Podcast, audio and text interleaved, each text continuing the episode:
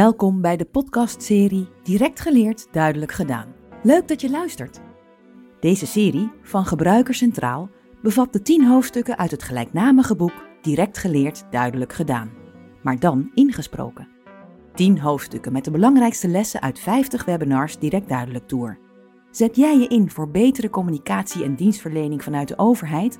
Dan is deze serie gemaakt voor jou. Deze aflevering gaat over begrijpelijke juridische teksten. Kan begrijpelijk en juridisch samengaan? Jazeker! Ook in juridische teksten kun je direct duidelijk zijn. Met betrekking tot het taalgebruik in teksten wordt er door schrijvers vrijwel altijd naar gestreefd dat hun boodschap direct wordt begrepen.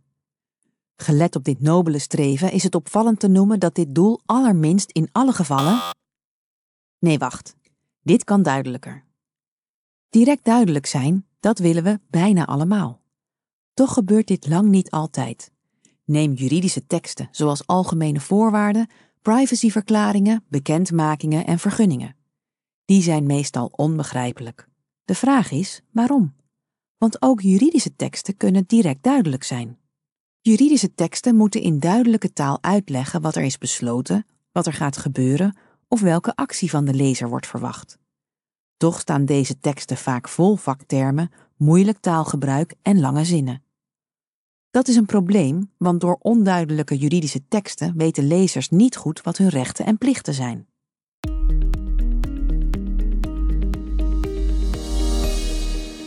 Verandering in aanzien en gezag. André Verburg, rechter en taaltrainer, legt uit waarom we iets aan die moeilijke juridische taal moeten doen. Ik denk dat het te maken heeft met onze veranderde kijk op gezag. Vroeger keken we op tegen mensen die dure woorden gebruikten die we niet begrepen. Dure woorden gaven iemand aanzien. Tegenwoordig zien we dat voor aanzien en gezag een goede persoonlijke relatie belangrijker is. Een voorbeeld. Mijn oma ging vroeger naar een dokter. Die sprak met moeilijke Latijnse woorden. Mijn oma was diep onder de indruk. Je was namelijk wel heel geleerd als je zo kon praten. Maar als mijn dochter nu naar de dokter gaat en hetzelfde gebeurt, komt ze woedend thuis. Want hoe durft hij in zo'n moeilijke taal over mijn lichaam te praten? Ingewikkeld taalgebruik roept nu dus eerder irritatie en onbegrip op dan respect. Juridische teksten zijn ook voor niet-juristen. Dat vindt ook Hans Braam, voorheen gerechtsjurist bij de rechtbank Amsterdam, nu juridisch adviseur bij de gemeente Hilversum. De rechtbank, de Hoge Raad en de Raad van State begrijpen nu dat juridische teksten, zoals besluiten of uitspraken, niet alleen voor juristen zijn. Juridische teksten zijn ook voor inwoners en ondernemers, gewone mensen zonder juridische kennis, misschien wel vooral voor hen. Alleen een toga en een gerechtsgebouw geven ons geen gezag meer. Dit gezag moeten we op een andere manier krijgen.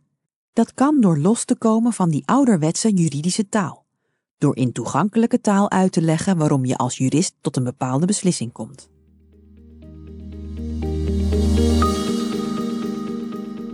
Bang om verkeerd begrepen te worden.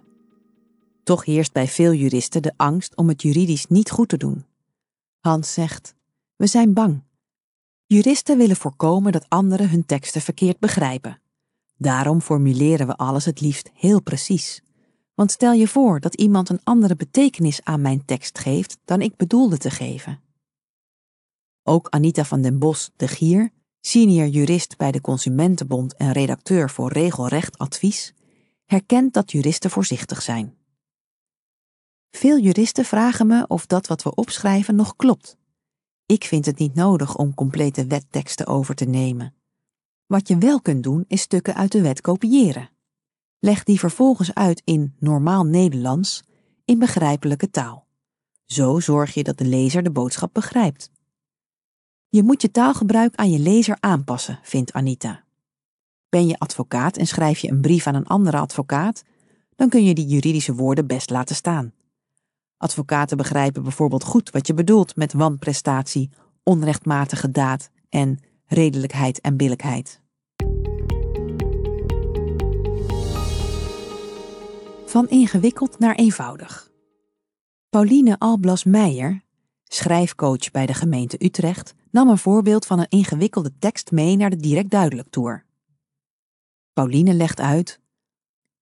Voor mij zit de moeilijkheid bij deze tekst niet zozeer in het juridische, maar meer in de ingewikkelde opbouw.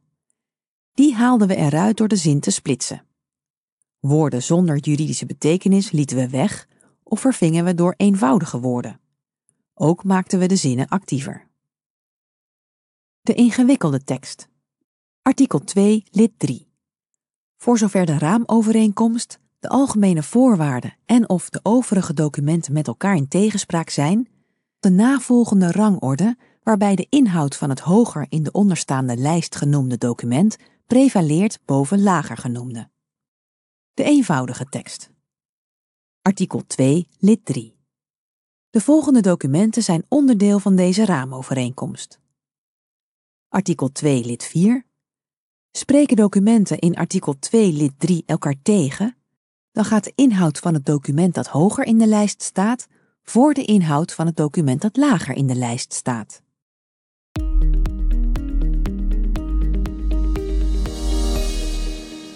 Het probleem is vaak de structuur. Rechter en taaltrainer André vindt dat juristen soms best in juridische taal mogen praten of schrijven. Maar bekijk wel altijd of dat moeilijke taalgebruik echt nodig is.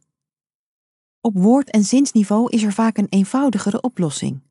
Zo kun je een lastige tekst uitleggen of synoniemen gebruiken. En heb je het over een wetsartikel, dan kun je er tussen haakjes een verwijzing achter zetten.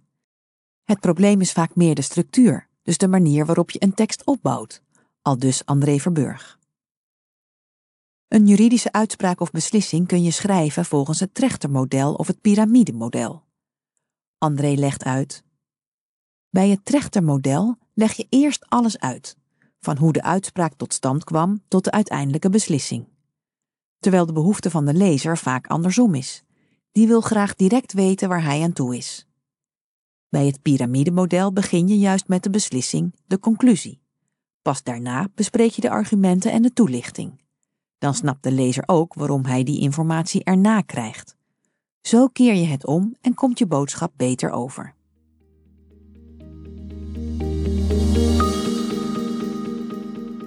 Zet ook eens een punt. Ook Hans heeft ideeën over hoe je een juridische tekst duidelijker maakt. Start klein. Begin ermee om dat plechtige taalgebruik, zoals derhalve en voorts, eruit te gooien. Daar is niets juridisch aan, dat is echt flauwekul. De volgende stap is: zet eens een punt. Haal die tussenzinnen eruit, zet een punt en begin een nieuwe zin. Dat maakt een tekst meteen duidelijker. Hans heeft nog een tip. Zet kopjes in je tekst met duidelijke informatie die aangeven wat je bedoelt. Hiermee maak je de structuur van de tekst duidelijker. Ook kun je de lezer helpen door kleine aanwijzingen te geven. Schrijf je bijvoorbeeld over een voorlopige voorziening, zet er dan tussen haakjes tijdelijke maatregel achter. Soms ontkom je er niet aan om juridische termen te gebruiken. Hans zegt: Niet ontvankelijk is niet ontvankelijk. Dat is een wettelijke term waar je niet omheen kunt. Maar je kunt er wel achter zetten, met andere woorden, of dit betekent dat. Dan gebruik je eerst de juridische term en leg je daarna duidelijk uit wat je ermee bedoelt.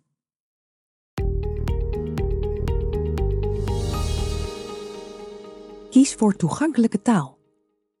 Volgens Hans is het een groot misverstand om als jurist te denken dat je met helder taalgebruik gevaar loopt bij de rechter. Rechters straffen je echt niet af als jij met duidelijke taal uitlegt waarom je tot een bepaald besluit komt.